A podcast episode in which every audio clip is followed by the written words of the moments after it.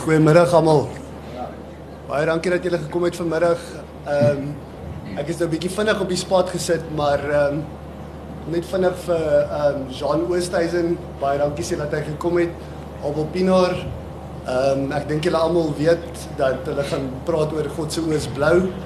Ek kan nie veel verder uitbrei op die op die ehm um, tema nie. Dit is 'n ehm um, 'n kwessie wat in vandag se tyd moet aangespreek word en ek wil net dankie sê dat julle almal hier is. Baie dankie. Ehm um, van my kant af baie dankie dat ek hier kan wees. Abel vir jou baie welkom hierso. Uh dit is ek dink dit is die tweede woordfees wat ek van weet wat jy bywoon. Jy was verlede jaar ook hierso, ehm um, amper nie en toe weer. Uh en hierdie jaar is jy terug, bietjie rustiger as verlede jaar, maar baie welkom en veel geluk met jou boek. God se oë is blou uh deur Naledi en die boek het letterlik omtrent 'n week gelede van die drukpers afgekom en ek dink as ek reg is, het jy homself gister ook vir die eerste keer fisies in jou hande gehad. Baie geluk en sterkte daarmee. Voor ons oor jou boek gesels Abel, wil ek net so 'n bietjie hê jy moet vir ons sê wie is Abel Pinaar? Ietsie van jouself. Ons weet jy's 'n gewese en predik en gee predikant, maar jy het ook ander titels opgetel as ek dit nou so mag noem. Agnostiese zen Christen en boere Boeddha is twee van hulle. Maar vir sommige is jy sommer die anti-kris nou die boere Boeddha kan ek nogal verstaan as ek so na jou kyk. Dit dit resoneer met my. Uh maar ek sien nie dat jy 'n stert of horings het nie. Maar vertel jy vir ons so ietsie van jouself. Wie is Abel Pinaar Dankie John en ehm um, dankie vir Dion van Aledi wat gepraat het wat 'n kans gevat het is interessant hoe ek ehm um, ek kan nie eens onthou wanneer my eerste boekie uitgekom het nie toe het ek regtig ge, gesukkel om iemand te kry om die boek te publiseer want almal het gesê niemand wil oor hierdie goed praat nie en niemand gaan hierdie boeke koop nie. En dit is nog griffel daai tyd wat uh so klein kansie op my gevat het en hierdie keer het na Lady gekom en gesê hoorie maar ons wil. So dit sê vir my daar's iets in die mark besig om te gebeur.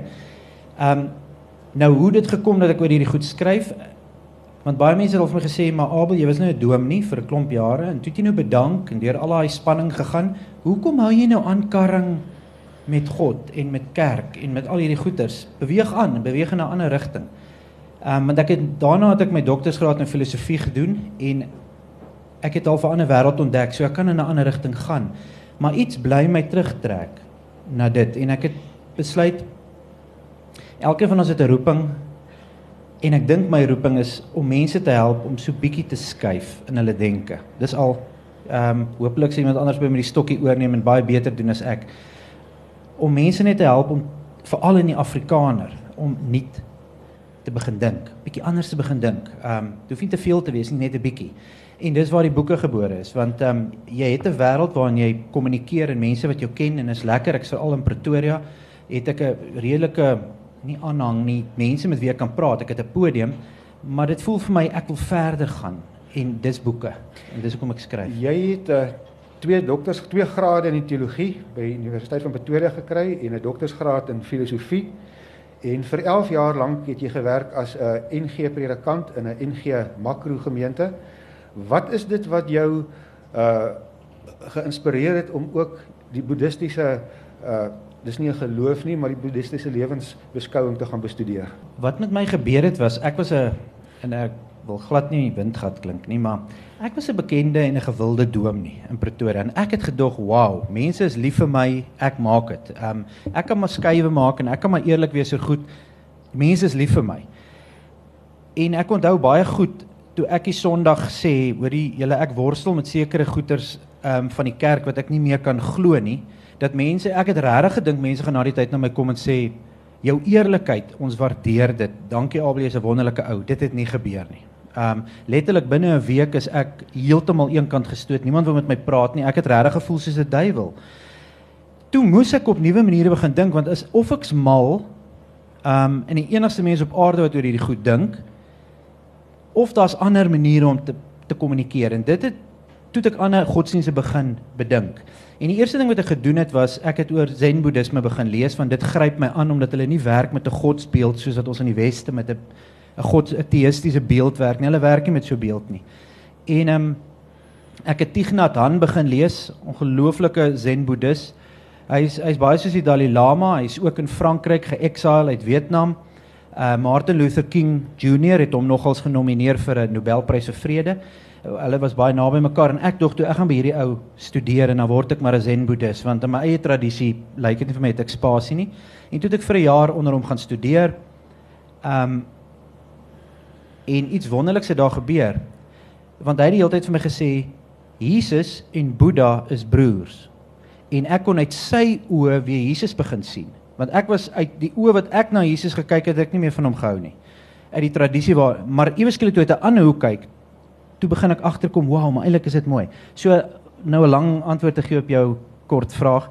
Um Zen Boeddhisme het vir my 'n plek gegee om te kon dink en ewe skielik te kon sê hoorie maar my eie tradisie is ook dalk nie so sleg nie ek moet dalk net uit 'n ander hoek na dit kyk dit is wat ek wil vra ons sit nou uh, eintlik drie begrippe wat uh, ons het agnosties ons het zen en ons het christen uh, en party mense sal sê dit is so 'n bietjie van 'n onheilige drie eenheid uh jouself sê in jou boek dat dit miskien bietjie van 'n vreemde kombinasie is uh vind jy dit nie moeilik om hierdie drie bymekaar te kry nie as 'n mens 'n skuif maak in jou kop deurdat jy sê luister hierso want dis wat met my gebeur het. Alle godsdienste is menslike instellings. Dis maniere wat mense probeer sin maak uit die dieper dimensie of uit die groter dimensie en hulle gee name daarvoor want elke land waar jy kom en elke kultuur lyk hulle god wat hulle aanbid baie soos hulle. Ehm um, so dis menslike skepings um, om te praat oor iets anders. Waar Zen Boeddhisme gekom het en my gehelp het is hulle werk nie met 'n godsbeeld nie uh Boeddha het self gesê om oor God te praat is spekulasie. Kom ons praat nie daaroor nie want ons kan nie, ons weet nie. Kom ons fokus op die lewe nou en hier en hoe om sinvol te leef en dis die kernwoord. Hoe om sinvol hier in hierdie lewe te leef. Nou as jy daai woordjie sinvol vat en jy gaan na die Christendom, is daar ongelooflike ongelooflike waardevolle goed hoe om sinvol te leef.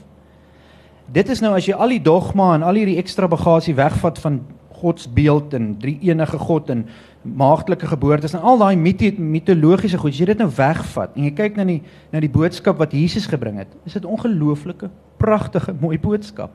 Um wat jou regtig kan help om sinvol te leef. So binne die want dis wat spiritualiteit vir my beteken. Hoe lewe jy sinvol hier en nou? En as jy Zen Boeddhisme vat wat jou daarmee help en jy vir die Christendom 'n ongelooflike waarde het en natuurlik die filosofie wat dit vir my alles bymekaar bring. Um is al en agnostisie.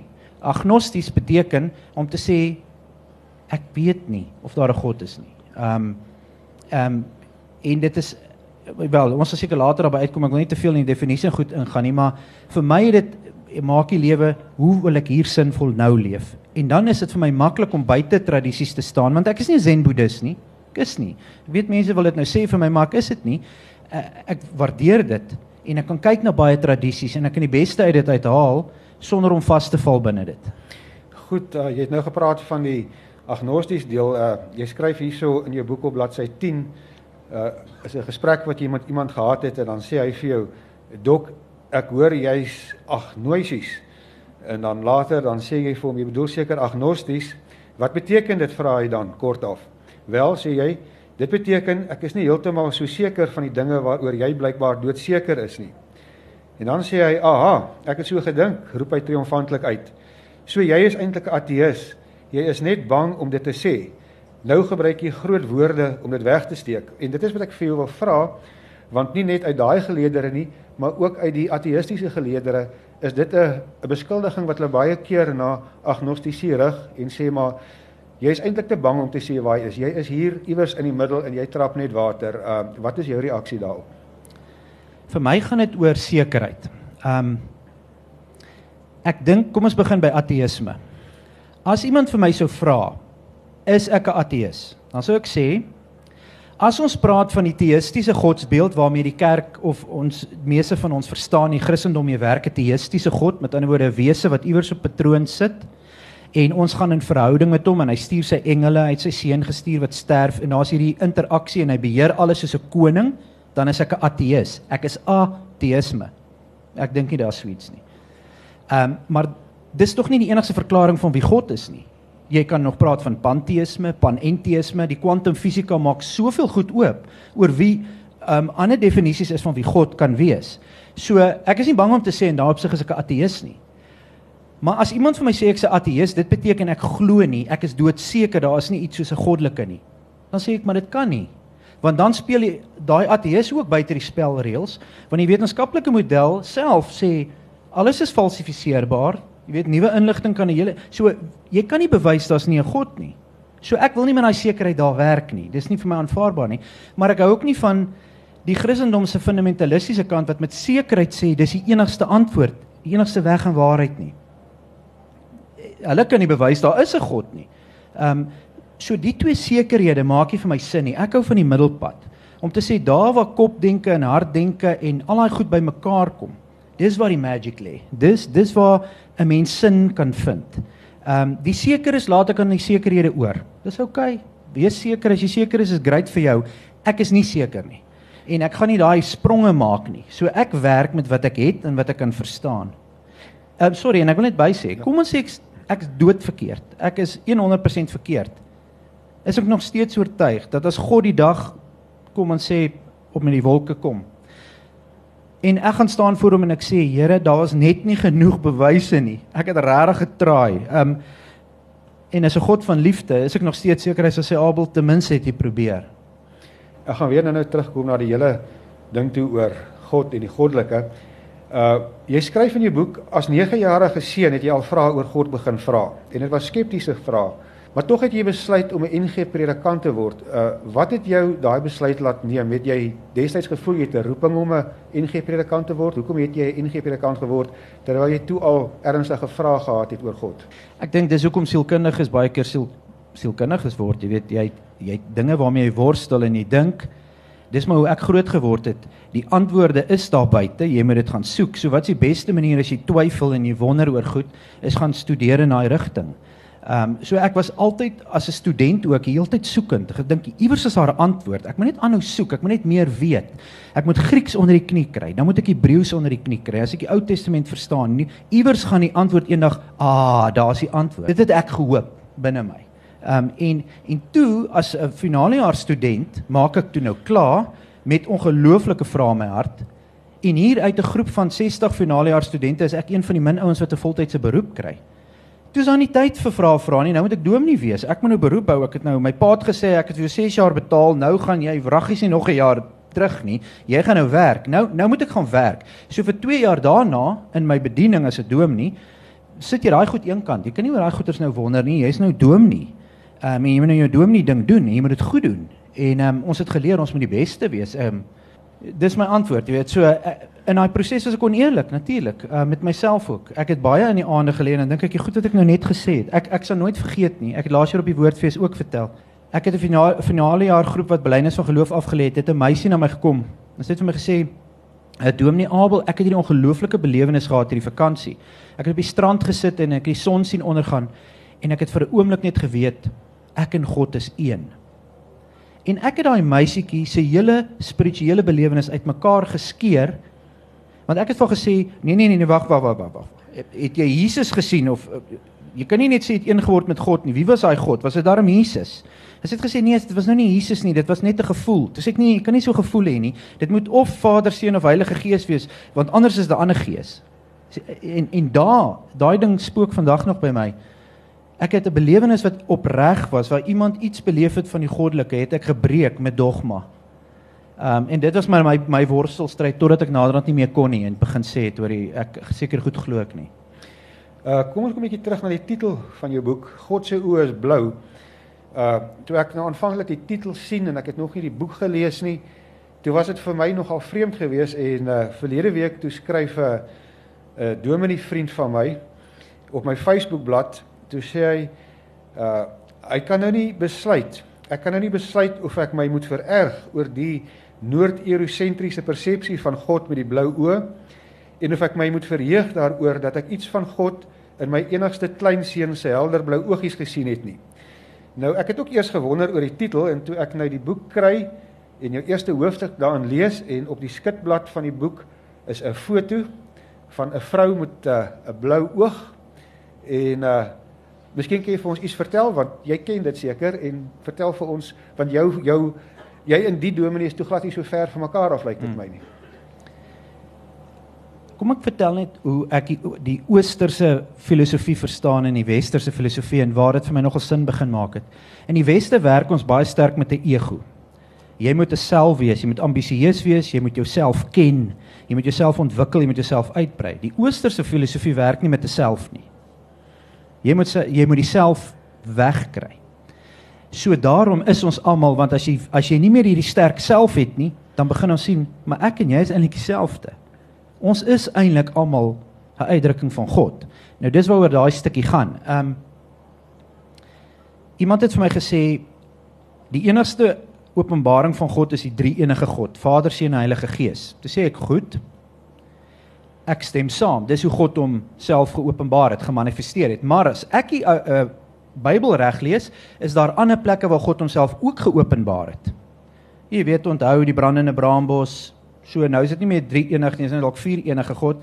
Ehm um, met die wolkkolom wat per dag en 4 kolom 4 kolom per nag en wolkolom. So kyk kom ons sê nou sit al 5 openbarings van God. Dan lees 'n mens van die onbekende in die woestyn en Jakob wat beklei. Dit raak net al meer en meer. Toe kom Jesus, toe kom die Heilige Gees. Dit lyk vir my net hou net aan en toe gaan ek vat ek 'n stappie verder. Toe sê ek, "Oké, okay, so nou trek ons al by 'n agtvoudige openbaarde God." Ehm um, stem jy saam? Sê nee, hy weet nou nie. Toe sê ek maar Miskien is daar nog baie meer openbarings van God wat dalk net nooit opgeskryf is iewers weet ons nie. Iewers sit daar 'n Arabier in 'n grot met die naam Mohammed en hy hy beleef iets van God. Dalk het God hom daar geopenbaar.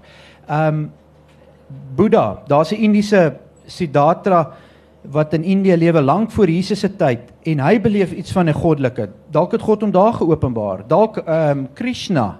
Krishna is nogal interessant. Die naam is Chris en en ek het gesê maar is dit nie alles openbarings nie? Is dit nie maniere nie? Toe het ek dit verder gevat en naderhand gesê In die herfs in Pretoria, as jy in my straat ry, is daar bome. In die herfstyd is daai breinblare lyk of hulle in die brand is. Miskien is dit 'n openbaring van God. Miskien is die wolke en die reën 'n openbaring van God. En dan eindig ek nou die ding af deur te sê een oggend het ek in my vrou se blou oë gekyk en ek het besef vanoggend kyk ek in God se oë. En God is vir my blou oë.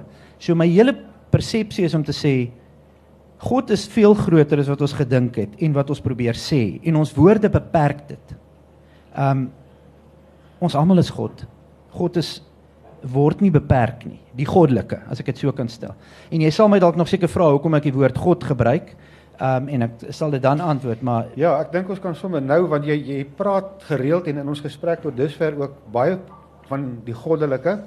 So in die eerste plek wil ek graag weet wat presies bedoel jy met die goddelike? Wat is die inhoud wat jy daaraan gee?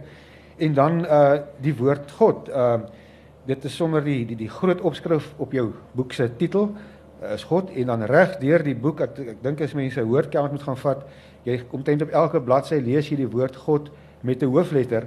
Uh so wie is hierdie God van wie jy praat want dit is tog nie meer die God van die Bybel nie.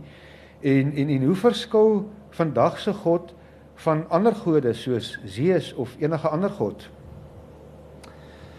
OK, as ek nie als antwoord nie herinner my net, um Boeddha het op 'n stadium gesê, the finger that points to the moon is not the moon, it's only pointing. Woorde is vingerwysings, nê? Nee? Ons vul woorde soos die woord God, dit is soos 'n ou bakkie wat ons vul met ons betekenis. En ek weet as ek sê God, baie keer uh, ek trou ongelooflik baie mense wat buite die Christendom staan of buite 'n uh, tradisie staan en vra hulle wil jy ons nie trou nie. As hulle maar ons familie is baie Christelik en sê ek is okay. Jy weet as ek die woord God gebruik, hulle verstaan dit onmiddellik kleer hulle dit in. Nou sê hulle maar is dit nie oneerlik as ek heeltyd oor God praat nie. Die probleem is ek wil graag met mense praat en sê kom ons dink nuut, maar ek kan nie uit 'n vreemde plek kom en sê die godheid is vir my eintlik leegheid of die godheid vir my energie nie. Dan verloor ek, dan gaan niemand luister nie. Hulle gaan almal loop.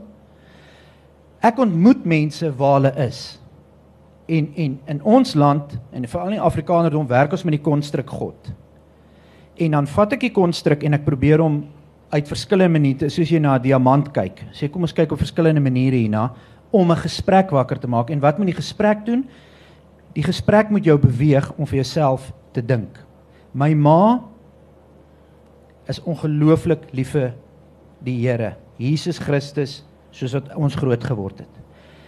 En is oukei. Okay, want sy leef dit. Sy verstaan dit. So hoekom sal ek haar probeer kry op 'n punt waar sy dit moet afstaan? Dis dis nie my doel nie. As jy by 'n ander antwoord uitkom as ek, is dit goed. As jy 'n ander inkleding van die woord God maak, is dit goed. Ek wil net hê kom ons dink en ons word nie papegaaie napraters nie, want die probleem is bitter min mense dink vir hulle self. Um en dis die dis die poging wat ek wil aanwend. Ek moet mense ontmoet waar hulle is. Ek kyk na my rubrieke en rapport. Elke keer wat in die titel iets van God is, dan verdriedubbel die lesertaal. As ek iets anders insit soos vandag praat ons bietjie oor meditasie. Ja, dan lees hulle dit nie. Goed, met ander woorde, maar vir jou, vir jouself is God 'n konsep. Dit is nie 'n wese wat jy aanbid of in wie jy glo nie. Dit is meer 'n uh, 'n breër konsep. Die maklikste hoe ek dit kan verduidelik is God is vir my soos die see, want onthou, niemand van ons kan sê dit is God nie. Is nie kan net sê God is soos metafories. Uh, enige iemand wat sê hy weet presies wie God is, wel daai sekerheid ek kan nou nie daarmee stry nie. Maar ons kan net oor God praat in metafore. So God is vir my soos die see en die see druk homself uit deur golwe. Jy kry groot golwe en kry klein golfies. Alle lewe is God op 'n manier wat homself uitdruk. So jy kan my noem 'n panentheïs, met ander woorde, ehm um, God is alles, in alles, maar meer as alles. Daar's verskillende name, maar dit beperk nou alweer. Vir my is God die ongrond. Eh, dis ek, ek weet dit raak wollerig, maar daar is nie God is vir my verseker. Laat ek eerder sê wat God nie is vir my nie. God is nie vir my 'n wese wat daar woon nie. Uh met wie ek in kommunikasie kan gaan en bid en vra vir hulp en dan doen hy iets of hy doen nie iets of hy straf my. Ek glo nie daar's 'n hemel en 'n hel nie. Ehm um, ek dink soos die wetenskap sê ons is sterstof en dan sterstof keer ons terug. So daar's 'n klomp konsepte wat wollerig klink totdat jy begin verstaan dat selfs enige geloof is maar wollerig. Want as jy vir mense sou vra wat is die drie enige God dan? Dis 'n konsep wat nie eens in die Bybel voorkom nie. Jy moet maar vir Augustinus gaan vra. So wat ek probeer sê is ek weet nie heeltemal nie. Hoekom het 'n mens dan geloof nodig as hy so wollerig is? Uh Ek sal nie die woord geloof gebruik nie, ek sal die woord spiritualiteit gebruik. En spiritualiteit se definisie is vir my ek het 'n behoefte om sinvol hier en nou te leef. Ek wil gelukkig wees en ek wil mense om my beïnvloed om gelukkig te wees. Ek wil 'n gelukkige wêreld hê. Ek wil 'n wêreld hê waar vrede is en waar daar nie hongersnood is nie en al daai ideale en ek weet dat in in die mens my konsep is dat die mens is inherënt goed. Ehm um, hy is gebore en ontvang in sonde nie. Hy hy het net vergeet hy's goed. En die oomblik wat iemand kyk wat gebeur met iemand wat kanker kry. Die oomblik wat iemand deur intense pyn of hartseer gaan, wat gebeur? Daar kom diepte. Hy word nie slegter nie. Daar kom diepte. So in die rente spiritualiteit, hoe maak jy die lewe sinvol hier en nou? So dis waaroor dit vir my gaan. Dit gaan nie oor geloof of ek wil aan iets vashou nie. Ehm um, hoe leef ek hier? Ek sal weer terugkom na die hele begrip spiritualiteit toe. Uh ek wil net so 'n paar goedjies deurhardloop want ek wil nog graag kans gee vir vrae ook uit die gehoor uit. Uh, in jou boek uh, in jou boek verwys jy vlugtig na die dark night of the soul tyd waardeur jy gegaan het en dat jy geworstel het met jou geloof. Uh waarmee het jy die meeste geworstel en uh, hoe het jy aan die ander kant uitgekom as jy vir ons net so in in 'n nette dop kan sê? Wel die eerste ding wat gebeur is, ek het groot geword soos meeste mense hier met 'n baie sterk konsep daar's 'n God wat vir jou uitkyk vir alles en jy kan jy weet hy's daar, hy red jou die hele tyd en jy as jy bang raak dan en ewe skielik het ek op 'n punt gekom want my eerste stap was soos met enigiets, ek het ateïsties geword, soos in terme van die ekstreme ateïsties, uh, daar's niks, nihilisme. Ons is net hier vir 'n rukkie soos 'n muurtjie en dan is dit verby. Klaar.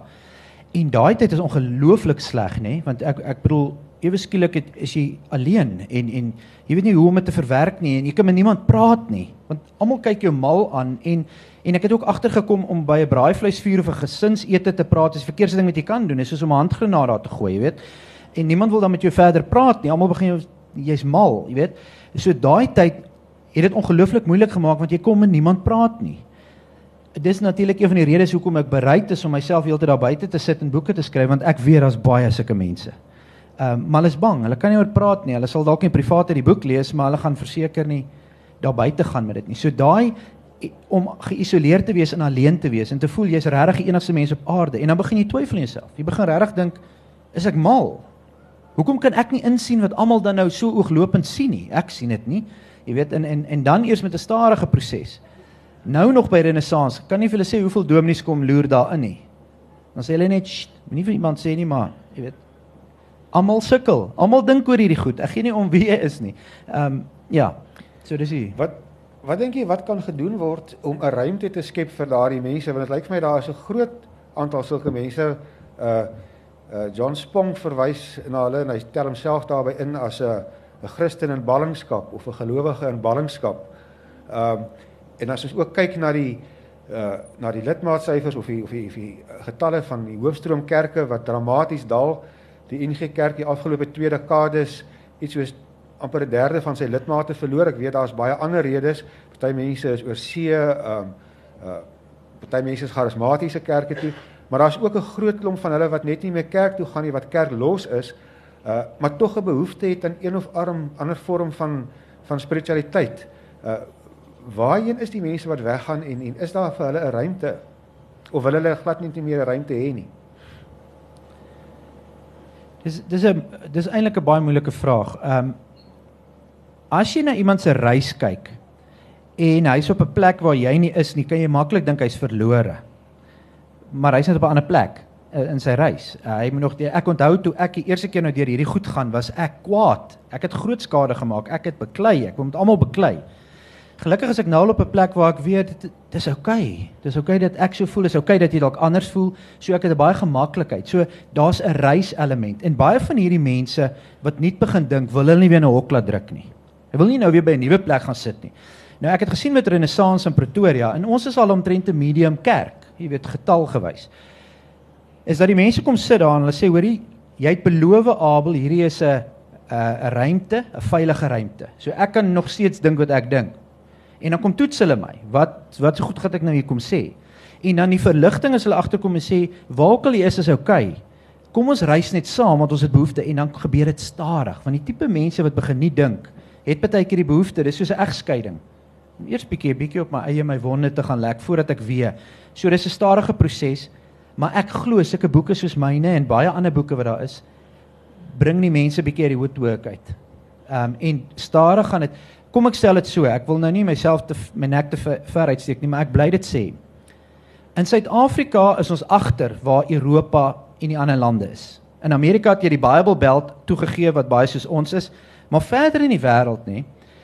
Die kerk in in in Suid-Afrika veral, die Christendom is soos 'n dop wat deur die baby boomers daar in stand gehou word. Nê? Dis die ouens wat nog die geld het, maar oor binne die volgende 15 na 20 jaar is die baby boomers en ek sien omtrent net baby boomers Dis die ouens wat dit in stand hou. So ons kom nie agter dat dit stadig erode nie. Die jeug is nie meer daar nie. Die jong mense beweeg op ander plekke. En na daai gaan daai ding net so in die kerk sal altyd daar wees, maar hy gaan baie klein wees. Um en spiritualiteit gaan op 'n ander manier groei. So al wat ek probeer sê is ek weet nie hoe nie. Ek weet net ons moet praat en hoe meer ons praat en hoe meer jy praat as jy twyfel, hoe eerliker word dit.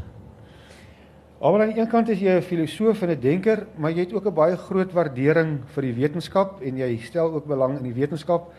Ehm um, nou wil ek vir jou vra uit jou oogpunt is is geloof in die wetenskap enigstens versoenbaar?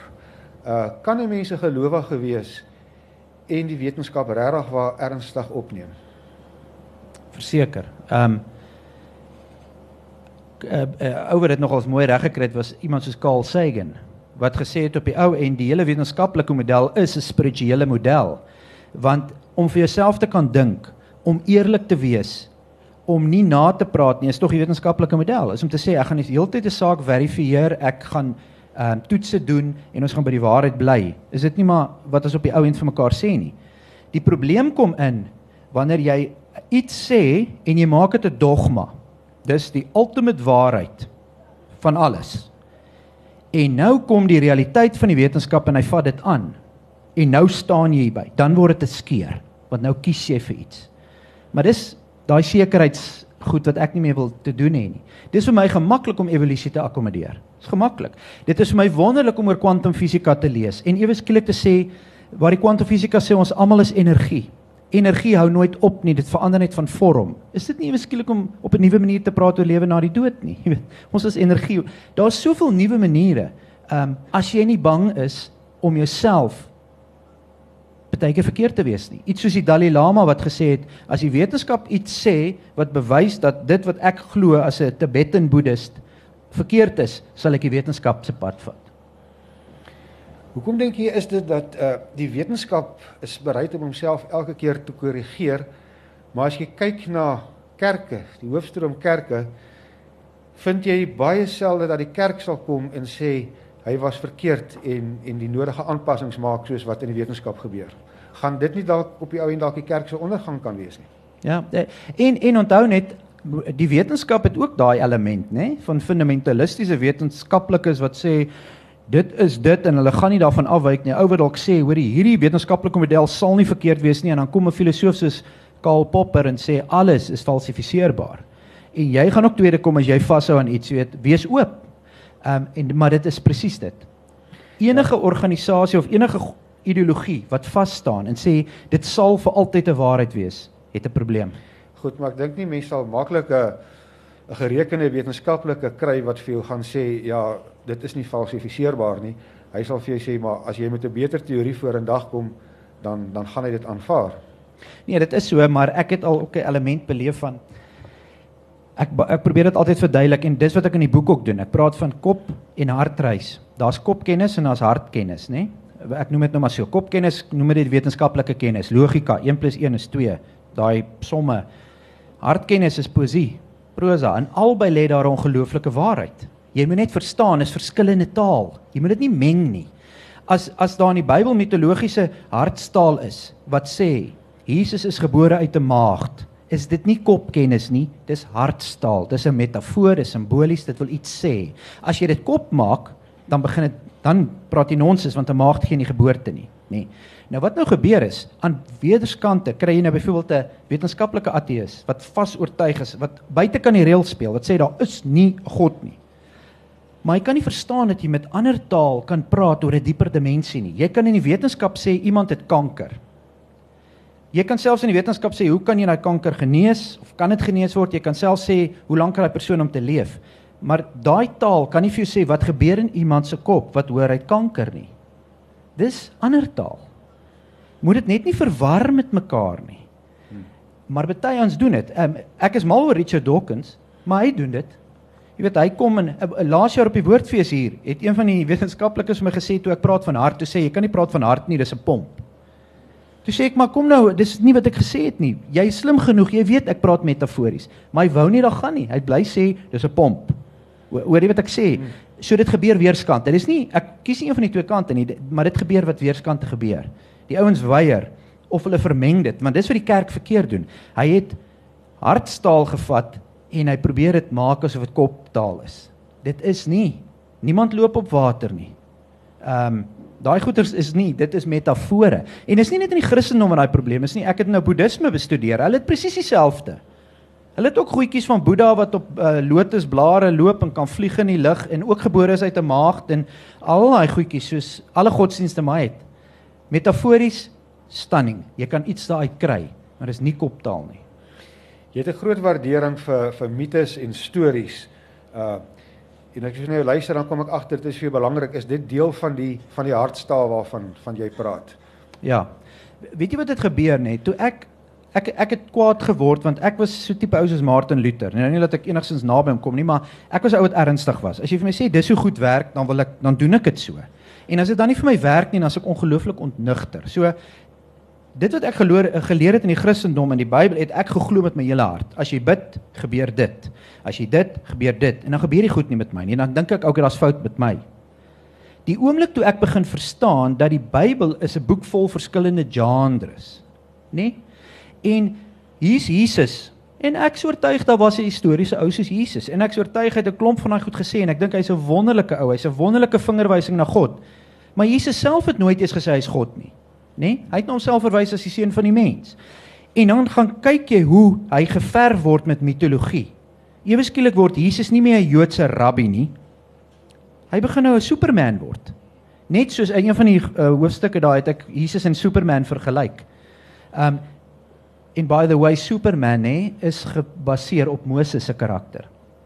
By Moses sien jy ook. Moses is 'n gewone Joodse leier, maar eweskielik kry hy die superkragte. Hy kan natuurwette omvergooi, hy kan die see laat oopmaak. Dis mitologie. Jy moet dit verstaan. Mitologie is wonderlik, maar as jy dit verwar met feite, die moeilikheid, dan begin jy eintlik dom word. Ek wil 'n bietjie weer met jou gesels. Jy het dit nou-nou aangeraak, uh die hele ding oor 'n uh, spiritueel of godsdienstig. Hier in hoofstuk 38 skryf jy heeltemal reg As 'n mens deesdae iemand vra waarin hulle glo, is dit nie meer snaaks as 'n antwoord nie. Ek is spiritueel, godsdienstig nie. Nou dit het nou nogal deesdae 'n half 'n buzzword geword om te sê ek is spiritueel maar nie godsdienstig nie. Die mense stry baie keer daaroor want ehm um, baie mense vra maar dit as jy hoe kan jy spiritueel en nie godsdienstig nie? Dit is daarom ook die ergste wollerige ding wat jy kan noem. Maar tog praat jy in jou boek ja, een of ander uh, Franse filosoof aan wat 'n ateïs is, maar wat sê hy is spiritueel. So is die twee vir jou versoenbaar dat jy spiritueel kan wees al is jy nie godsdienstig nie. Verseker want dis hoe ek dit dis hoe ek dit beoefen. Ehm um, ek beoefen my spiritualiteit sonder 'n teïstiese godsbeeld. Sonder dat ek dink daar's iemand wat daar bo sit en vir my kyk uh, en wat goed bepaal. Natuurlik het dit met die beperking van woorde te doen ehm um, die woord spiritualiteit laat jou dadelik dink aan bonatuurlike vir my is en ek herhaal en dis hoekom ek die definisies aanhoudend herhaal want ek wil betekenis gee aan dit. Ehm um, dit te sê spiritualiteit gaan vir my daar. Hoe kan ek as Abel sinvol goed hier lewe? Want ek glo ek is goed. Ek glo ek is inherënt is die goddelike binne my. Ek het net aan die slaap geword daarvoor. Dis vir my sonde, is om aan die slaap te word vir my eie identiteit. En ek moet weer wakker word. En in die proses wat ek wakker word, hopelik kan ek ander mense wakker wakker maak, maar ek godsdienst is my iets anders. Godsdienst sê ek weet hoe om wakker te word en jy moet wakker word soos ek en dan moet jy agter my aanloop. My wakker word is jy moet vir jouself wakker word. Jy het die antwoorde self. Geen ander mens het meer gesag as jy nie. Kom jy tot jou antwoorde en leef jou antwoorde. Dis spiritualiteit vir my is om wakker te vertel van Boeddha. Boeddha het gestap en toe kom iemand um eendag disipel of iets op die pad langs en hy sien vir Boeddha en hy sê vir hom: "O, oh, jy, jy weet, jy's Boeddha. Is jy God?" En hy sê: "Nee, ek, ek is nie God." Hy sê: "Nee, maar jy is God. Wie is jy dan?" Toe sê hy: "Ek is Dis spiritualiteit vir my. En wakker beteken beskielik en dis hoekom ek so lief is vir Zen Boeddhisme, want alwaaroor Zen Boeddhisme gaan is rek te sien. Dis al. As jy 'n blom sien, blom of sien jy 'n interpretasie van die blom? Sien jy 'n dualisme blom? Of sien jy die blom? Want daai blom, dit is sy besaamlik om vir jou blom te wees, maar jy sien hom nie raak nie want jy sit in jou kop en jy sê ek hou meer van rose. Of hierdie blom lyk like oud of hoor jy wat ek sê? Daar's min mense wat meer direk lewe en dis spiritualiteit. Wakker te word. En dan gaan niemand meer vir jou goedjies kan sê soos loop ter my aan of doen wat ek sê nie. Ehm um, want is nie meer nodig nie, want jy weet, jy moet net wakker word daarvoor. Uh hier's nog hele klomp ek sou vra, maar ons het nie meer vreeslik baie tyd oor nie en ek wil graag kans gee vir vrae ook uit die gehoor uit. Ehm um, as daar iemand is wat 'n vraag wil vra nou, net julle vra asseblief so kort as moontlik en albei word gevra in die stadium. Abel, dis nogal nice. Kain en Abel. Anyways. okay. Wat my bekommer nê is die evolusie van die mens. Hoekom Christene nie teruggaan na hulle wortels waar die geskrifte vandaan kom nie? Ehm um, as jy kyk na Sumeriese klei tablette is daar neergeskryf paar duisend jaar voor Christus. Die Sumeriërs was die eerste uh, mense wat uh, wat hulle weet wat kon skryf. Hulle het so skroewedraaiers skryf die klei geskryf. So hulle is Mesopotamië en dis die cradle of human civilization. Dis waar die Bybel sy oorsprong het. So hoekom gaan kyk mense nie terug die Sumeriese klei tablette en dan begin kyk na die gode. Okay, wie is die gode? Iets sê ek, ek net kort asseblief ons het min tyd vir vrae. Probeer net jou vraag kort formuleer. Jessie, vir wie moet ek 'n vraag vra want dis eintlik Heer, ehm um, okay. Kyk hier, okay, Sumeriese klei tablette, het jy al byvoorbeeld daarna gekyk? Nie na die tablette nie, maar ek het al gelees oor dit en al daai wetenskaplike ontleding en sulke goeders ja. Okay, blykbaar is daar dominees wat ook reken dis hoe dit gebeur het. Nou kom ons sê hierdie Anunnaki kom van 'n ander planeet af aarde toe, né? En hulle besluit hulle het slawe nodig en hulle kruis met die mens. Kom ons kyk na Genesis wat sê die hemelwesens het aarde toe gekom en seks gehad met die aardse vroue en kinders by hulle gebaar. So, okay. Wie is die hemelwesens? Okay, verstaan jy? Um, Soos in Ekskuus, ek ek wil nie graag in die rede val nie, maar regtig kan ons Daar is nie tyd nie. Okay, waar wie, wie wie iemand anders praat want ek meen ek is eintlik die evolusie van die mens is te stadig. Ek is totally moeg daarvoor. Verstaan jy? Ek meen, hoekom kan hulle sien nie? Volgens my, kom ek ek gaan nie mic nou vir jou gee. Okay, Maar kom ons gee vir Abel kans om te Uh, Wag nou Abel, ek weet gou iets sê. Kom sê die Illuminati is die Anunnaki vandag. Daai einste karakters beheer ons as mens. Hulle soek slawe, hulle hou so dom as moontlik. Ek is moeg daarvoor. Ek hoor julle en ek ek, ek ek staan nie so, ek is net tyd plein moeg daarvoor. Kyk nou byvoorbeeld. Alright, Wag net nee, nee, dankie, Ons kan ons baie, baie Okay. dankie. Ek dink jy het 'n billike kans gehad. Is ehm um, ek weet nie of jy wil reageer nie. Abel, is daar nog is daar nog vrae? Ek- Uit die gore daarso vraag daarso. Laat ek net net sê wat hy sê. Ehm um, vir my is dit die probleem met enige godsdiens. Is presies die die ding wat jy nou gedoen het is om te sê en ek bedoel ek weet jy dis wat jy glo en dis hoe jy dit sien. Dis vir my daai goeters is so ge, gemeng met metafore en feite dat dat dis godsdiens. Dis alle godsdienste voel soos jy voel daar. Ehm um, ek sê soos wat Boeddha gesê het. Dis wonderlik. Party spekulasie is dalk beter as ander spekulasie, maar dis spekulasie. Kom ons fokus om sinvol hier en nou te leef. Ehm um, as daar ruimtewesens is en hulle kom weer eendag, right, dan gaan groet ek hulle, maar ek kan nie 'n lewe op dit baseer nie. Dit's te ver verwyder. En maar wat jy nou gedoen het is presies die die model van alle godsdienste. Jy voel sterk oor dit, ander ou voel oor ander. Daar's 'n vraag. Wel, ek is nie 'n man met 'n uh, uh, wonderlike uh, manier om my uit te druk nie. Eerstens wil ek vir jou sê ek wil jou geluk wens. Ek wil vir jou sê ek het settende respek vir jou eerlikheid vir die pad. Uh ek het ook groot geword soos jy. Ek het op 'n stad gekom ook vrae gevra, bang gewees vir vrae, bang gewees om op plekke te praat soos die. Maar ek het besef ek moet as ek in die graf ingaan, wil ek darm eerlik kan glo in wat ek gesê het ek glo in. Nou dit is vir my moeilik ek ek ek is heel golflengte. Byvoorbeeld die drie enige God. Wat nou vir my ook uh, ek ek verstaan ook ek glo daar's een wonderlike liefdevolle God. En ek dink hy's lief vir alle met gelowe. Ek dink ek stem saam met jou mense moet na die spiritualiteit gaan. amper wil gewaagd wil sê dis jammer dat gelowe of jy kan totaal sterf nie. Ehm um, en ek sê dit met respek. Mens het natuurlik en ek wil jou die vraag vra, ek's amper klaar. Die toe jy nou tot jou sê nou maar om 'n keer kom. En jy het gepraat van jou ma wat nog glo soos hy glo. As 'n mens lief is vir jou familie, as ek lief is vir my kleinkinders, maar ek dink hulle in 'n in 'n pad wat heeltemal nou aan die dogmatiese, ek weet nie of die regte woord is nie, 'n kant en ek voel ek sal eendag doodgaan. Ek dink die wetenskap gaan miskien bewys daar's lewe op ander planete, soos ons nou gehoor het. Ek wil weet dat my kinders sal kan aanpas of my kleinkinders en ek sou graag 'n spiritualiteit wil ontwikkel of noem dit dan 'n godsdiens wat kan beweeg met die oneindige tyd vorentoe. Uh ek ek wil sê maar baie dankie. Ja, dankie. Ek het vandag selfs Eben wat ook gepraat het oor die die moeilike proses om met mense om jou te praat vir wie jy lief is, wat dalk op 'n ander en ehm um, dit is regtig ek dink net ons as ons rondom ons kyk is ons van 'n sekere ouderdom op. Daar is nie jong mense hier nie want hulle het nie heeltemal hierdie vrae nie. Hulle is besig om op 'n ander manier aan te pas en hulle is dalk voor ons. Eerlik. Ehm um, Dis de ek weet regtig eintlik nie behalwe om te doen wat ek nou doen, om te sê ek sal eerlik wees. Ehm um, en ek vat pak slaaf want deel. Die een is dekonstruksie.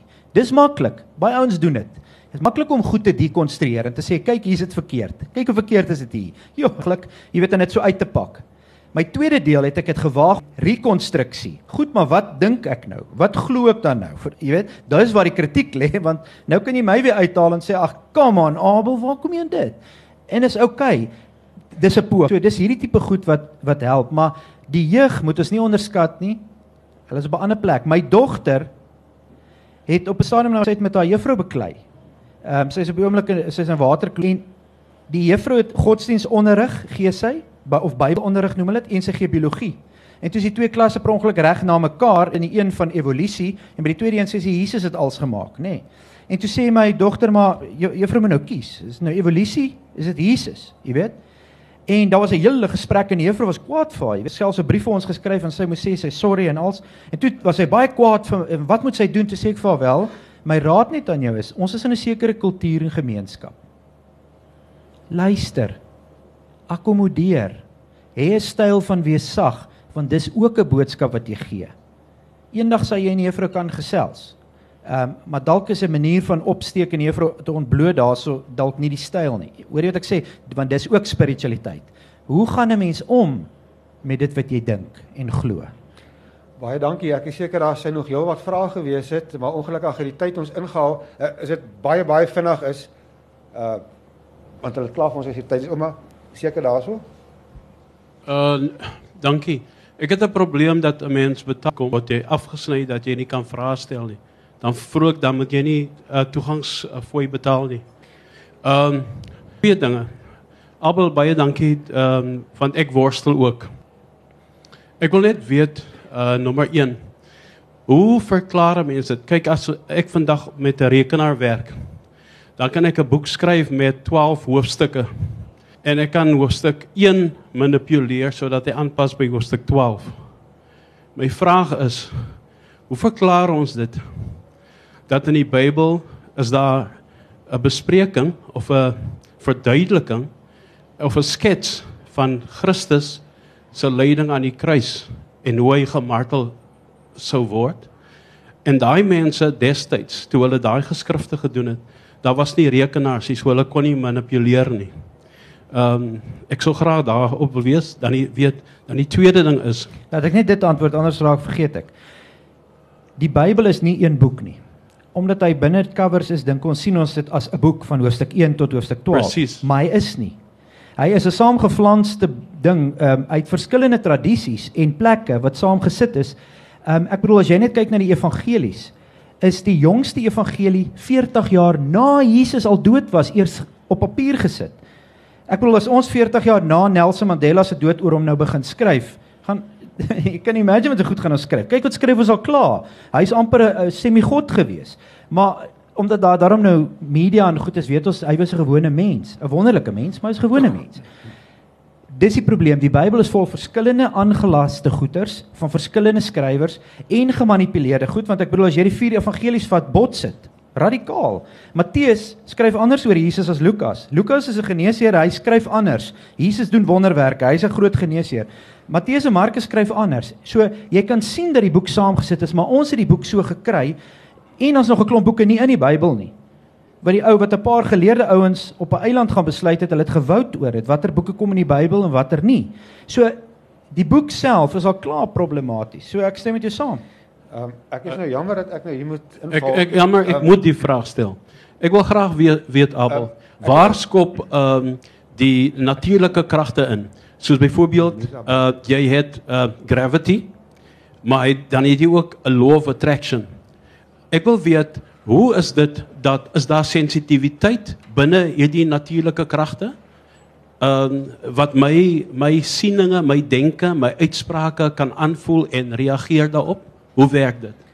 Um, ek kan nou nie eintlik antwoord nie, maar al wat ek kan sê is en ek verstaan dit ook nie heeltemal so goed nie kwantumfisika ek probeer dit lees ek sukkel regtig met dinge los ek mis nogals die punt baie keer maar kwantumfisika begin lees oor dit ehm um, dit dit verduidelik daai ding ongelooflik goed en as ons energie is selle het intelligensie en kommunikeer en vibreer en goed maar dis ek kan jou soontoe verwys. Daar's regtig ouens wat wonderlik skryf oor kwantumfisika. Baie dankie. Ek is seker ons sou nog 'n uur kon gesels, maar die volgende groep staan al reeds daar buite en wag. Ehm um, ek is seker as daar iemand is wat nog 'n belangrike vraag hierdie buite sal Abel daarso wees en julle kan kom gesels. Abel vir jou baie dankie. Baie dankie vir die geleentheid wat jy skep vir oop gesprek. Nogmaals baie baie dankie.